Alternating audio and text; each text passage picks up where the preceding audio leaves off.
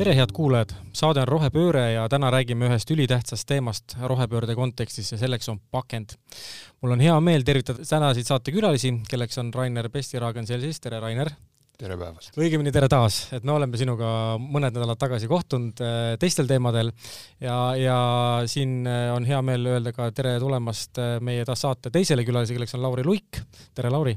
Tere! ja sina oled sellisest ettevõttest nagu Kaploop, et ma arvan, et me Ragn-Sellsi tutvustust väga pikalt tegema ei pea, tuntud Eestis tegutsev ettevõte, aga Lauri, ole hea, räägi palun Kaploopist paari sõnaga, mis ettevõttega on tegu ja mida sa seal täpselt teed? Jaa, Kaploopi me asutasime koos äh, Marek Sutšetševski ja Christopher Juuliga kahe tuhande kaheksateistkümnendal aastal. Ja me oleme tehnoloogiaettevõte, mis toodab äh, masinaid, mis aitavad kokku korjata korduskasutatavad pakendid ja tagastada kliendile äh, ka deposiidiraha, mis on siis eelnevalt pakendi eest makstud nii et, ehm, et minna üle ühekordsetelt pakenditelt korduskasutatavatele pakenditele, meie siis pakume omalt poolt infrastruktuuri. sarnane süsteem nagu täna on siis Taara pakendiga, et on automaat, kuhu pannakse see sisse ja sealt tuleb siis nii-öelda raha või tšekk vastu? jah, eh, kuid päris oluliste erinevustega, mis puudutab eh, pakendite vastuvõtu kiirust, mis puudutab raha tagastamist otse kliendi pangakaardile kasutaja mugavust ja nii edasi, et äh, meil on äh, võrreldes turul olevate lahendustega päris palju eeliseid. väga põnev, äh, nende asjade juurde kohe lähemegi natuke detailsemalt ka.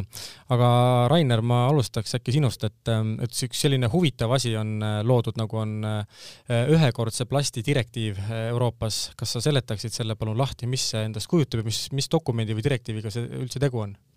tegu on väga mahuka dokumendiga, aga kui seda kõike oluliselt lihtsustada, siis selle dokumendi eesmärgiks on äh, vähendada ühekordsete äh, plastasjade kasutamist. sinna alla lähevad näiteks joogikõrred, õhupallide pulgad, vatitikud, aga sinna alla lähevad ka siis äh, ühekordsed joogi- ja toidupakendid. ja eesmärk on siis nende kasutamist piirata, leida nendele keskkonnasõbralikum alternatiiv ja tegelikult ühiskonda suunata selle poole, et me kasutaksime korduvkasutatavaid asju palju meil seda plastjäätmeid üldse Euroopas tekib, et Lauri, oskad sa vastata sellele? Need numbrid on üsna hirmutavad, ma võin öelda üldistades, et maailmas kasutatakse näiteks kaks koma viis triljonit või üle selle pisut ühekordset plastist pakendit. see on siis tükk, tüki arv, eks ju? jaa mm, -hmm. ja väga suur osa nendest äh, pakenditest ei jõua sinna, kus ta peaks jõudma, vaid lõpetab äh, ookeanites ja mujal looduses. see on probleem, millega tuleb tegeleda ja see on ka üks driver, mis meid nagu ajendas seda, ajendas seda tegema, jah. kas äh, plastide asendamine näiteks oletame paberist toodetega on üleüldse keskkonnasõbralikum või siin on tegemist väikese rohepesuga, et Rainer, oskad sa anda siin mõne kommentaari selle kohta, et kas see, kas see on, asendus on, on nagu rohelisem tegevus? ega plast iseenesest on ju väga hea materjal, ta on äh, väga hästi töödeldav, ta on tegelikult tootmise mõistes üsna väikese jalajäljega. Äh, kui tuua siia lihtsalt üks näide, et äh, kui Gustav Tuulin aastal tuhat üheksasada kuuskümmend viis astus Patendiameti uksest sisse, et patenteerida oma kilekott, siis tema eesmärk oli samamoodi, et leida oluliselt keskkonnasõbralikum alternatiiv näiteks paberkotile sest kilekotti saad kasutada kolmkümmend, nelikümmend korda. Mhm. enne kui sellega midagi juhtub. just, mhm. mure on selles, et me kasutame seda ühe korra. Mhm. kas ja. seda muret ei oleks, kui me näiteks, äh, kui iga poes käija kasutakski kolmkümmend korda oma kilekotti, kas me, ma ei oleks üldse selles olukorraski? absoluutselt, et äh, pigem ongi nagu küsimus äh, meie kui inimeste käitumisharjumistes, mitte kui materjali liigis. tõsi, kui me räägime ühekordsetest asjadest, siis paberil on see eelis, et paber on tehtud puidust ja puit on oma eluaja jooksul sidunud CO2 erinevalt siis näiteks plastist. Ja, ja me võiksime nagu äh, päeva lõpus öelda, et justkui nagu paber või, või sellisel tselluloosil põhinev materjal on äh, keskkonnasõbralikum. aga me ei saa seda öelda, igal juhul, kui see on ühekordne, selle nii-öelda elutsükli jalajälg on väga-väga suur. ehk siis tuleb olu-, tuleb silmas pidada, millest on see paberkõrs tehtud näiteks? pigem äh, ongi nagu küsimus selles, et et noh, paberkõrs või met-, plastikust kõrs, seal ei ole väga suurt vahet, kui me kasutame seda ühe korra. Üleüldse on küsimus, et miks me peame kasutama ühte pisikest toru selleks, et juua klaasist vett ja, ja see on täiesti eraldi saate teema, ma arvan, et miks seda, miks seda vaja teha on üldse. aga ühesõnaga, see laiem asi on ikkagi see, et, et see, et see lahendus, kuhu me kõik tahame liikuda, on ikkagi äh, korduskasutatavatel äh, asjadel. et aga kas me oleme üldse selleks valmis, et, et seda nii äh, suurt ja järsku nagu pööret nagu teha? Lauri, äkki sina oskad vastata? me oleme praegu selle murrangu nõnda öelda ukse lävel selles mõttes, et äh, kõik näevad, et maailm sinna suunas liigub paljud riigid on alustanud ühekordsetelt eh, toodetelt korduskasutatavale mudelile üleminekut ja noh, nagu me selle Euroopa plastidirektiivi näol näeme, siis siin Euroopa piirkonnas on see kõige agressiivsemalt ja võib-olla tulemuslikumalt kätte võetud. aga noh, üks, mis, mis oli ka meie sisendiks, oli see, et eh, neid eh, korduskasutatavate pakendite teenusepakkujaid on küll tekkinud turule ja päris palju üle maailma, küll aga puudub nendel vajalik infrastruktuur et sa võid seda teenust pakkuda tuhande topsiga näiteks või kahe tuhande topsiga, aga kui me räägime miljonitest, näiteks kui me soovime asendada kaubanduskeskustes äh, salatikarbid, siis äh, infrastruktuur ei pea vastu. meil ei ole mõtet koguda kokku neid äh, ükshaaval mehitatud punktides näiteks ja anda sula-, deposiidiraha tagasi sularahas mm, -hmm. vaid see peab olema automatiseeritud mm. -hmm. ja vot sellist infrastruktuuri siiamaani ei olnud nüüd äh, meie üks missioon ongi äh, pakkuda sellist täisautomatiseeritud kokkukorjet ja deposiidi tagastust. et, äh, et need teenusepakkujad siis saaksid lihtsalt ja mugavalt ja, ja efektiivselt oma tooted kokku korjata, saata pessu, desinfitseerida ja siis uuesti ringlusesse saata. ehk siis tegelikult täis nii-öelda täisring kogu sellele asjale? jah, see see mõte on, et, et minna selliselt lineaarselt mudelilt siis üle äh, Äh, korduskasutatavale mudelile, et pakendid ringleksid mitusada korda ja alles siis, kui nad on oma eluea lõpus, saaks nad äh, kokku korjata. Ragn Sells on siin hea näide, eks, et puhas materjal töötled ümber ja läheb uuesti kasutusse siis uuele eluringile nii-öelda kui me räägime näiteks üritustest, et äh, mitte siis, mitte siis ainult Eestist, vaid üleüldse, et äh, millal saaks nautida pakendivabasid üritusi, et äh, võtame siis toidu ja joogi, mis seal pakutakse, et, et millal selline samm võiks juhtuda? kui vaadata üle maailma toimuvat, siis, siis praegu kohati see ju ka toimib, et aga ärme lähme liiga kaugele Eestist, võtame meie sama Tallinna. meie sama kodu, koduriigi. jaa, et võtame näiteks A Le Coq Arena, kus paar nädalat on meie masinad juba üleval olnud ja kus küll nüüd esialgu ei mindud sajaprotsendiliselt üle korduskasutatavatele pakenditele, vaid, vaid kahes müügikohas siis müüdi korduskasutatavaid topse. et see oli väga üllatav tulemus, et tagasiside oli esiteks see, et tribüünid olid puhtad peale mängu lõppu ja prügi, mida tavapäraselt tekkis nii, et prügikastid olid ääreni täis mm, -hmm olid nüüd poolenisti täis mm. -hmm. ja, ja see ei olnud veel äh, siis äh, juhtumil, kus kõik pakendid oleksid olnud asendatud korduskasutatavatega. nii et, et kui me lähme täielikult üle, siis kindlasti see efekt on veel suurem. aga tulles tagasi küsimuse juurde, siis, äh, siis ma arvan, et see ongi järk-järguline äh, protsess. mingis mõttes käes juba? mingis mõttes käes, kuskilt on olema hakanud minema ja Kapluup ei ole selles mõttes sugugi ainus, kes, kes sellist äh, teenust pakub, tõsi, teised konkurendid teevad seda kas siis eh, mehitatud mudelitega või märksa komplitseerimat-, komplitseeritumate mudelitega, aga maailm liigub selles suunas, et selle üle on väga hea meel ja aina rohkem ja rohkem tuleb neid lahendusi. kas oskad öelda ka, et milliseid pakendeid üldse täna korduv, korduskasutatavatega asendada saab? igale asjale võib-olla ei sobigi, eks ju? igale asjale, no minu enda selline väike unistus on, et tulevikus me võiksime kõik pakendid korduskasutatavaga asendada, aga loomulikult eh, teatud puhkudel see nõuab loovust, et eh, noh, esmapilgul ei kujuta võib-olla kõiki asju ette, aga eh, millega praegu mm, me natukene maadleme, on see, et kõikidele äh, pakenditele ei ole veel korduskasutatavaid alternatiive, et me aktiivselt suhtleme maailma suurte pakenditootjatega, kes siis tänagi just enne seda salvestust oli meil üks kõne kus me siis arutasime Dani äh, Grupiga, kes on üks suuremaid oma ala tegijaid, et kuidas, äh, kuidas, millisel kujul ja missuguseid pakendeid äh, siis peaks disainima korduskasutatavateks, nii et, et see protsess käib ja, ja nagu ma alguses ütlesin, et eks kogu see kogu see äh, protsess on sellise mm, paisu taga praegu kinni mm, -hmm. aga kui ta sealt nagu valla pääseb, et siis, siis tekib kindlasti nagu massiivne vajadus ka nende pakendite järgi, ka praegu... kiire efekt, eks ju. ja just mm. -hmm kas tootjal, kas tootja jaoks läheb kõik asi kümme korda kallimaks ka nüüd selle korduvkasutatava pakendi tulekuga, et kas see kuidagi muudab äh, toodete hindasid ja asju ja nii edasi, et see noh, äh, meil on ilmselt on mõlemat pidi näiteid, eks ju, et, et praegu näiteks paberkott vist maksab grammikese vähem kui kilekott, eks ju, et ma ei tea, kas see on nagu kunstlikult pandud nii või mitte, aga, aga kui paberkott tuli aastaid tagasi, siis oli ta ikkagi märksa kallim kui kilekott, eks ju, et nüüd on nagu teistpidi on need asjad.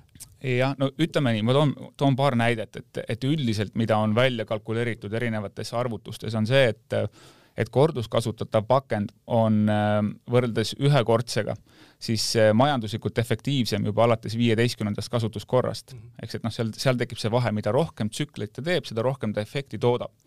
nüüd, kui me räägime sellest plastidirektiivist ja, ja nendest regulatsioonidest, mis siin näiteks Eestis plaanitakse teha, et siis eh, üks nendest regulatsioonidest, et kuidas motiveerida kaupmehi ja ka lõpptarbijaid ühekordselt siis korduskasutatavale üle minema, on see, et, eh, et öelda kaupmehele, et sa pead näitama ühekordse pakendi hinda esiteks ja teiseks reguleerida see pakendi hind ära natukene kõrgemaks, et ta oleks konkurentsivõimeline selle korduskasutatavaga. et see on üks selline regulatiivne meede, mida saab teha mm. -hmm. aga meie oma, oma tegemistes ei lähtu sellest, et kas Euroopa Liit kehtestab mingisugused piirangud või regulatsioonid või mitte. me näeme ka seda, et maailm, muu maailm väljaspool Euroopa Liitu liigub selles suunas ja tekib erinevaid alternatiive ja me oleme näinud ka oma äh, toodet siin äh, või teenust pakkudes Eestis et tarbija saab sellest aru, et korduskasutatavale alternatiivile üleminek või nõnda öelda heas mõttes rohepööre nõuab teatud ohverdust meilt kõigilt ja, ja lõpptarbija on teatud ulatuses nõus ka seda maksma mm. -hmm. et, et kas siis kas siis deposiidi näol, et ta saab natukene vähem tagasi, kui ta alguses maksis, või mis iganes see mudel on, võib olla ka jagatud kaupmehega pooleks näiteks see vahe, eks see mhm. teenustasu mm -hmm. Aga tundub, et, et inimesed aina rohkem saavad sellest aru, mis on selle asja iva. ja pigem ollakse valmis seda ikkagi natukene kõrgemat hinda maksma, et, et see täna ei, ei peata ostu.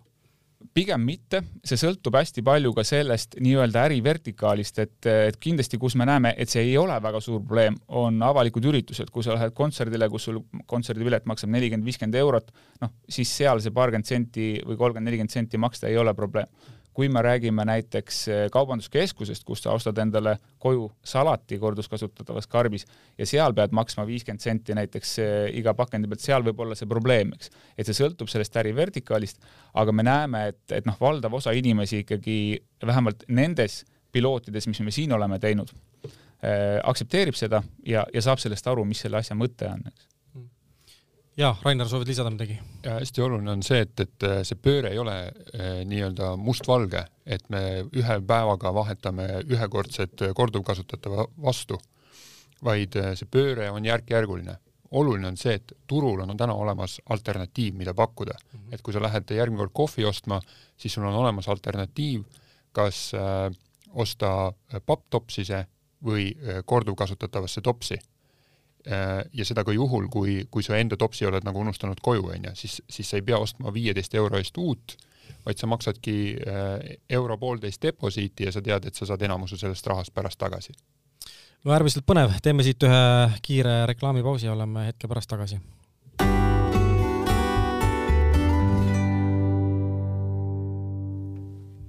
koroonaviirus ja hetkel maailmas valitsev olukord on kasvatanud tohutul hulgal koju tellitava toidu koguseid ja sellega seoses kasvavad ka toidupakendite hulgad. kas neid pakendeid saab ka muuta korduskasutatavateks, Lauri? jaa, kindlasti. ja see, see on, see trend on olnud üks sisendeid ka meile, et me oleme aktiivselt uurinud missuguseid pakendeid esmajärjekorras peaks või võiks siis korduskasutatavaks muuta ja kahtlemata see on üks nendest suundadest, mis on ääretult populaarseks muutunud jah, aga, aga lühike vastus on, et jah, loomulikult. ja kui me kogu jaekaubandust võtame, kas ähm, kunagi võiks olla üks ilus päev, kus on siis kogu jaekaubanduses olevad pakendid korduvkasutatavad? see tundub ääretult ratsionaalne. see üleminek, nagu Rainer ennist ütles, on järk-järguline ja kindlasti mitte mustvalge, seda saab teha ma arvan ka paralleelselt teatud määral, kuigi ta on efektiivsem, kui sa ei anna lõpptarbijale seda valikut, et kas ühekordne või korduskasutatav, aga ma arvan, et esialgu on see siiski ratsionaalne anda. üleminekuperioodiks vähemasti. näiteks mm -hmm. ja, ja loomulikult jah, et, et kõik pakendid võiksid olla korduskasutatavad, sest et üldist looduskeskkonda vaadates see lihtsalt tundub niivõrd mõistlik ja ratsionaalne ja samamoodi seda toetab tegelikult ka majanduslik pool, et nagu ma eelnevalt kirjeldasin, siis korduskasutatav iga tsükkel, mis sa juurde genereerid nõnda öelda, see siis teeb selle toote kasutamist efektiivsemaks. ja, ja kui me räägime suurtest kaubanduskettidest, siis ma arvan, kõige targem on alustada, kus me ise ka oleme nagu vaikselt sihtimas, nendest äh, kaasamüüdavatest äh, salatikarpidest, kus klient saab siis ise endale valida, kas kartulisalatit, lihapalli. soe toit, mis iganes, eks ju mm. -hmm. et see, see tundub nagu kõige, äh, kõige mõistlikum koht alustamaks ja loomulikult, et et hiljem liikuda edasi ka nii-öelda primaarpakendite peale, ehk et siis nende karpideni, kuhu on, ma ei tea, sul šašlõkid eelnevalt pakendatud juba sisse ja nii edasi, eks mm, -hmm. et see nõuab teatavat äh, kohendamist äh, pakendamisliinidel, see nõuab äh, natukene võib-olla uusi disaine, aga üldiselt see on tehtav aga mis seda kõige rohkem takistab praegu, kas see, et, et meil ei ole seal taustal infrat või, või on see mingi äh, äri vertikaalist tulenev mingi ideoloogia, nagu sa ennem nimetasid, või, või on mingi, mingi muu asi, et mis see kõige suurem takistus on? ma arvan, praegu kui vaadata äh, tootjate poole pealt või siis kauplusekettide poole pealt, siis on see, et nad peavad hakkama tegema kohendamisi, kas siis tootmisliinidel, nad peavad tegema kulutusi uutesse pakenditesse, liinidesse ja nii edasi et see kõik maksab raha ja senikaua, kui sul ei ole nagu põletavat vajadust, siis eh, noh, majanduslikust aspektist vaadates on ratsionaalne ju seda esialgu mitte teha, sellepärast et see ei ole lihtsalt sulle nagu eh, koheselt kasumlik. küll aga eh, kui nüüd see maailm aina rohkem selles suunas liigub ja me oleme näinud, et ka suurtele tegijatele tekib selline mm, sotsiaalne või ühiskondlik surve ka näida roheline et äh, ja mitte ainult, et öelda roheline, vaid et ka näida. ka näida ja olla roheline. ja olla roheline, jah. et, äh, et siis me näeme, et noh, aina enam ja enam suured tegijad äh, pöörduvad selle poole. näiteks üks, üks lihtne näide, et meie jaoks suur üllatus, et meie poole pöördus Burger Kingi Iberia, siis Hispaania, Portugali haru, kes ütles, et me tahaksime seda korduskasutatavat mudelit proovida joogitopside peal mm. -hmm. et, et noh, on näha, et, et suured tegijad vaatavad ringi ja see on nende jaoks. otsivad lahendusi. otsivad lahendusi ja see on nende kliendi jaoks äh, ka nagu oluline märk, et, et nende noh, bränd kasutab korduskasutatavaid mudeleid. absoluutselt, järjest rohkem läheb see korda ka kliendi jaoks. Äh, Rainer, kuidas sulle tundub, kas me võiksime ühel päeval jõuda ka sellisesse seisu, et, et me saaksime igat pakendit ka heas mõttes äh, track ida, jälitada, et, et kuidas see pakend meil liigub ühest kasutusest teise? Ma arvan, et see juhtub juba sellel kümnendil, et äh, üks hea näide on äh, Jaapan. Äh, Jaapan on vananev ühiskond. Nende ühiskonna eripära on see, et, et neil on iga nurga peal kümme pisikest poodi, aga mure on selles, et neil ei ole müüjaid.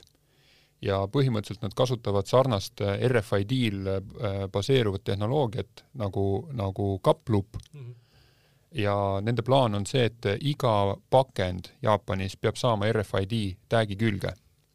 ja kui sa lähed järgmine kord poodi, siis sul ei olegi seal müüjaid, sa võtad eh, endale eh, kauba, kus pakendisse on pandud RFID tag külge, lähed väravatest läbi ja su mobiili pealt läheb siis eh, juba see kaupade raha maha. nüüd seda pöörates sealt edasi, sellesama RFID tag'i peale saab tegelikult kirjutada selle, et et äh, lisaks, mis kaup see on, mis, palju see maksab, me saame kirjutada, mis materjalist see on tehtud. ja esimest korda nii-öelda selle ahela lõpus, kui pakendid jõuavad sorteerimisliini peale, siis äh, siis pakend tuleb ja ütleb ise, et mis materjalist äh, ta on tehtud. ja kuhu on vaja panna see? kuhu ta on vaja panna ja, ja kes selle pakendi nii-öelda turule lasi ja see muudab seda maailma drastiliselt, et täna see sorteerimise tehnoloogia ongi sellepärast mega-mega kallis, et sul tuleb terve autokoormatäis korraga liini peale ja, ja siis masinad peavad hakkama sellest äh, äh, voost tuvastama, et huvitav, et äh, mis plastiga on tegu ja see on väga-väga kallis tehnoloogia võrreldes sellega, et pakend tuleb ise liini peale, hõikab juba eemalt, et, äh, et mis materjalist ma olen. mille alusel täna seda masin äh, selekteerib, kas on mingi kaalu järgi, valgustavad kuidagi seda materjali, kuidas on see käib? mõlemad, et võetakse kaalu järgi, et näiteks biojäätmeid sorteeritaksegi nii, et liinile antakse teatud kiirus ja kui ta lendab liinilt üle, siis on äh, tegemist äh, nii-öelda kerge fraktsiooniga, kui ta kukub maha, siis suure tõenäosusega näiteks biojäätmega mm. -hmm. aga moodsamad tehnoloogiad on ka siis sellised, et nad tuvastavad infrapunaga seda okay.. ja loomulikult moodne maailm Need tehnoloogiad ei ole veel päris valmis, aga tehisintellekt tuleb ka sorteerimise maailma kus õpetatakse enne masinale selgeks, tuhat korda näidatakse ühte pakendit talle ja ta, ta saab varsti aru, aru., jah. -hmm. Lauri, soovid sa lisada midagi? Jaa, selle RFID tehnoloogia kohta, et ähm, kui me Kaploopi tegema hakkasime, siis me kaardistasime päris põhjalikult erinevaid äh, tuvastamise tehnoloogiaid. nii seda ribakoodi, mida pudelitel kasutatakse, kui, kui QR koodi ja, ja loomulikult ka RFID-d ja erinevaid meetodeid ja me jõudsime just RFID-ni sellepärast äh, paljuski, mida Rainer just kirjeldas. Ja, ja, ja mida meie saame või mida me ka teeme oma toodete puhul, on see, et meie paneme igale tag'ile külge siis deposiidi summa, et kui palju see, see tops maksab äh, kaks eurot deposiit, teine maksab euro viiskümmend ja nii edasi.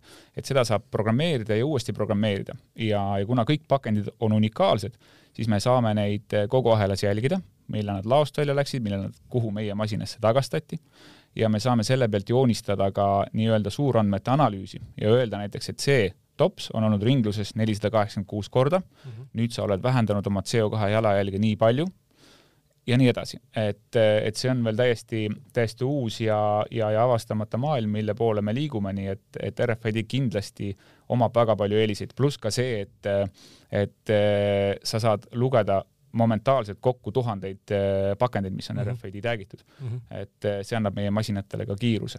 jah, eks siis tohutu ajavõit veel lisaks ma küsiks lõpetuseks veel sellise, et kas oskate või kas te saate näiteks siin lähima aasta-kahe jooksul avaldada midagi, mis on siin Eestis kohe-kohe juhtumas midagi olulist selle, selles liinis, kus te mõlemad täna tegutsete, kas on mingit, mingit olulist äh,, olulist sammu äh, kuulajatele ka öelda või, või välja käia, et, et meil on need ja need uuendused kohe-kohe tulemas või plaanis?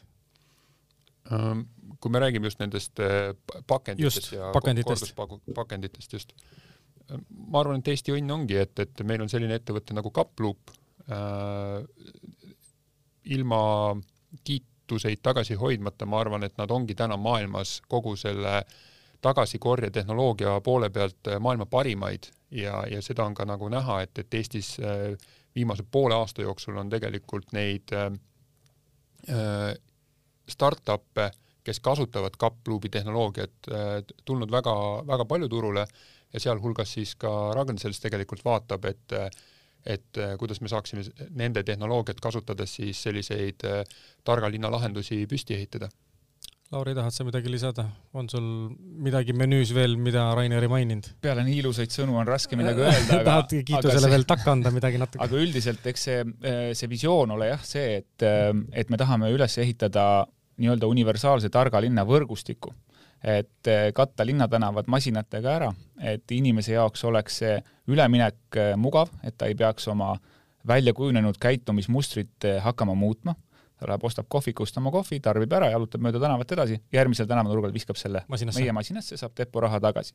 ja muidugi noh, mis on nagu väga suur pluss, on see, et Ragn-Sellsi kogemus, mis puudutab just seda kokkukorje poolt ja, ja töötlemise poolt, on selle juures ka ääretult oluline, et ikkagi elutsükli lõpus need pakendid jõuaksid puhtal kujul äh, sinna töötluse, töötlusjaamadesse ja saaksid ümber töödeldud, et see on, see on ka väga tähtis, et et kui see korduskasutatav lõpuks jõuab loodusesse, siis on ka väga halb, et ta peab jõudma õigesse kohta ja selleks on RFID taaskord nagu väga hea tehnoloogia absoluutselt. ja selle noodiga me tõmbame siin oma saate otsad kokku. Äh, saade oli Rohepööre, aitäh äh, Rainer Ragn-Sellsist ja aitäh Lauri Kaplupist.